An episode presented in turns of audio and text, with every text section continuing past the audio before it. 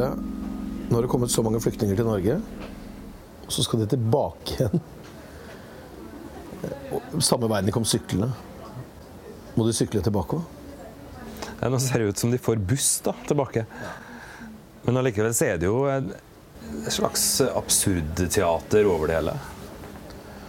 Jeg tenker på den der fluktruten. Vi, vi, så flyktningene i fjor sommer og i høst, da da nordmenn virkelig engasjerte seg i eh, flyktningspørsmålet. Også media. altså Vi var jo ute eh, på dette her også.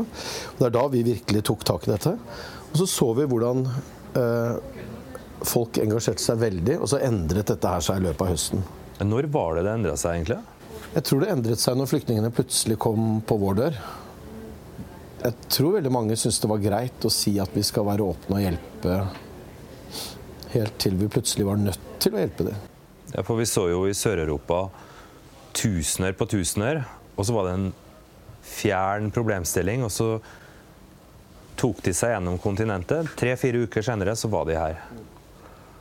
Og så var det en reell ting for, eh, for, folk flest. Og da er det en helt annen utfordring. For da betyr det at vi faktisk må ut og hjelpe dem. Vi må betale for eh, at de skal eh, være her. Det er våre skattepenger. Og det er klart at det setter folk på prøve på en helt annen måte enn når man bare skal si at vi har lyst til å hjelpe de som lider der nede i Europa et eller annet sted. Ja, hvordan syns du det har gått, da? Altså, et halvt år ute i flyktningkrisen kan vi jo egentlig si at vi er nå. Det er vanskelig å si. De, du ser jo at de klarer ikke engang å, å anslå hvor mange flyktninger som kommer eh, til neste år. De snakker om i, i, altså i, eller dette året. I 2015 så kom det 30 000, noen og 30 000 til Norge. Uh, mens man på vårparten diskuterte om vi skulle ta imot 8 eller 10 000 uh, over de neste to årene. En helt absurd situasjon. Og så snakker man om at det uh, kommer kanskje 30 i år. 60, 90, 100. Det er ingen som har peiling, men det er mange land nå som gjør det de kan for å lukke dørene. Ja, for Europas grenser er jo nå i ferd med å bli stengt. Vi ser det i Hellas, eh, mellom Hellas og Makedonia. Vi ser det på vår egen grense mot uh, Russland. Men uh, hvis det er én ting dette siste halve året har vist oss, så er det vel det at flyktningene finner alltid nye veier. Så nå kommer de via Finland. Ja, og så til, til grensa i nord. Og hvem var det som kom der? Det var ikke så mange syrere. Det var afghanere, nepalesere, en god del afrikanere. Eh, og det er vel ikke en overdrivelse å si at det var økonomiske flyktninger. Eh, kanskje den største delen av dem. Eh, men disse menneskene sitter altså fortsatt på russisk side av grensen. Det kommer stadig flere dit. Og de som, ikke, som da ikke kommer inn i Norge lenger nå, de prøver seg nå på Finland, som da har fått et lite sjokk. Siden eh, november vel, så har vel de fått 1000 mennesker over sin arktiske grense mot, eh, mot Russland. Tror du ikke kulda holder unna? Og tror du ikke signalet om at det er mange land som ikke vil ta det imot, også stenger det ute? Det ser ikke sånn ut foreløpig. Okay, tallene er litt mindre enn de var over Storskog på det verste. Men nå har da finske myndigheter i et forsøk på å bremse trafikken sagt at det er forbudt å sykle også. Så de må ta bil. Eh, og flyktningene må kjøre selv. Så nå er det jo en voldsom industri i Russland på å selge dårlige bruktbiler til flyktninger, som da skal kjøre over til Finland i de. Det, det, som har slått meg, er jo at eh, det demografiske bildet er helt annerledes når det gjelder flyktningene som kommer til Norge, og spesielt i nord. De som har klart å fly opp til Murmansk og komme seg dit på en eller annen måte, og så tar seg over. I forhold til hva vi har sett av de som kommer eh, over fra Tyrkia til Lesbos, eh, Hellas, og så tar seg videre nordover. Der nede så har det jo hele tiden vært eh, et flertall av familier som kommer. Også mange enslige unge menn.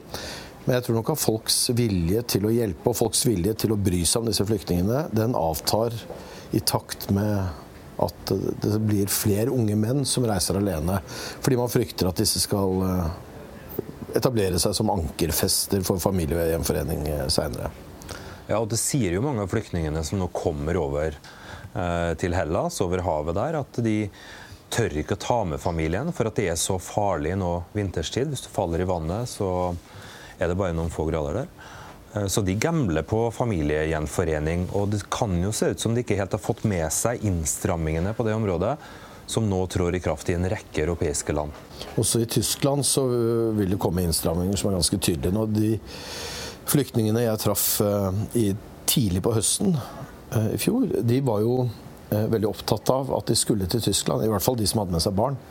Det er derfor jeg tror vi har sett færre av de i Norge enn de unge mennene som har reist alene. For jeg tror at de ønsket først og fremst å komme seg i sikkerhet til et land hvor de trodde de var velkomne, som, som Tyskland. De hadde tatt imot og forstått Angela Merkels budskap om at Tyskland har armene åpne og tar imot flyktninger. Og så kommer de til Tyskland, og så sier at ok, her vil vi være, her søker vi om asyl. Eh, dette gjelder spesielt mange syriske familier.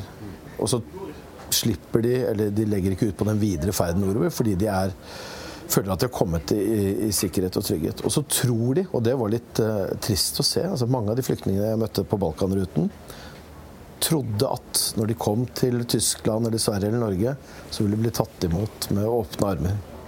De ble litt rare når jeg fortalte dem at uh, det er nok ikke sånn at uh, alle ønsker dere velkomne. Og det tror jeg ikke de skjønte. Nei, og det er nok noe som er vanskelig fortsatt å forstå for, eh, for mange. Men, men, nå kan det jo virke som Tyskland har nådd sin grense, rett og slett. Og det kan virke også som at Angela Merkel har gått på en smell, for nå møter hun jo stor motstand, spesielt i Sør-Tyskland, i, i, Bayern, blant sine forbundsfeller der. Og, og neste år så er det valg i Tyskland.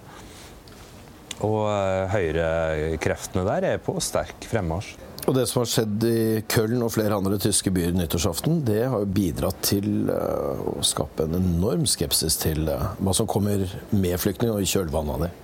Ja, det gjør jo det. Her, her, i Norge har vi jo svart med eh, seksualundervisning. Da. Noe som rundt omkring i Europa denne uka har blitt, ja, blitt behandla omtrent som en sensasjon. Så spørs det om det hjelper. da, altså Er det kurs? Trenger de kurs for å forstå hvordan det er vanlig å oppføre seg? Jeg forstår det at mange får et kultursjokk. Jeg har selv fått et kultursjokk når jeg har reist i motsatt retning noen ganger. Så det kan godt være at de Og jeg er i Syria, liksom? ja, altså til, til, Midtøsten. Jeg tror nok mange har godt av å få et, uh, en innføring i takt og tone. Og det ser vi at eh, svært mange flyktningmottak her i Norge gjør. Men de har manglet det andre steder.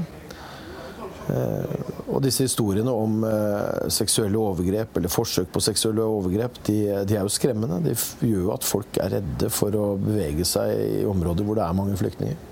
Men, men tror du ikke det at mange av de da, som står bak disse seksuelle overgrepene, de, de har jo en oppdragelse hjemmefra, de, og de vet jo at dette ikke er måten de skal oppføre seg for andre mennesker? Eh? Jeg tenker at alle har fått med seg det, at man oppfører seg ordentlig. De aller fleste har det.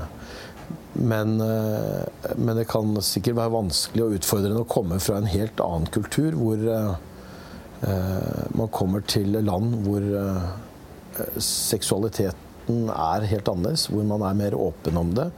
Og hvor man kler seg og ter seg på en helt annen måte enn det de er vant til. Ja, Nå går man vel kanskje ikke rundt i bikini i Köln den 31.12. heller? Nei, men jeg tenker allikevel at det er, eh, det er, et eller annet med, som alkohol gjør. altså Folk som kommer fra samfunn hvor man ikke er vant til alkohol, eh, og en annen måte å omgås på, eh, en mer frimodig måte å omgås på, så har de noen utfordringer. Jeg tror det er lurt det, det man gjør i Norge nå. At man, man, lærer eller har et innføringskurs i takt og tone for nyankomne. Ja, vi får se hvordan det går, men jeg syns det skal bli veldig interessant i hvert fall å se hvordan Eh, hva som skjer videre i Tyskland. 4.2 skal det jo være karneval i Köln, og alle er jo veldig spent på hvordan det kommer til å gå nå. Det er vel faktisk uvisshet om det kommer til å gå av stabelen i det hele tatt, men det blir jo en lignende atmosfære som eh, vi så på nyttårsaften. Festatmosfære. Mange mennesker i gatene.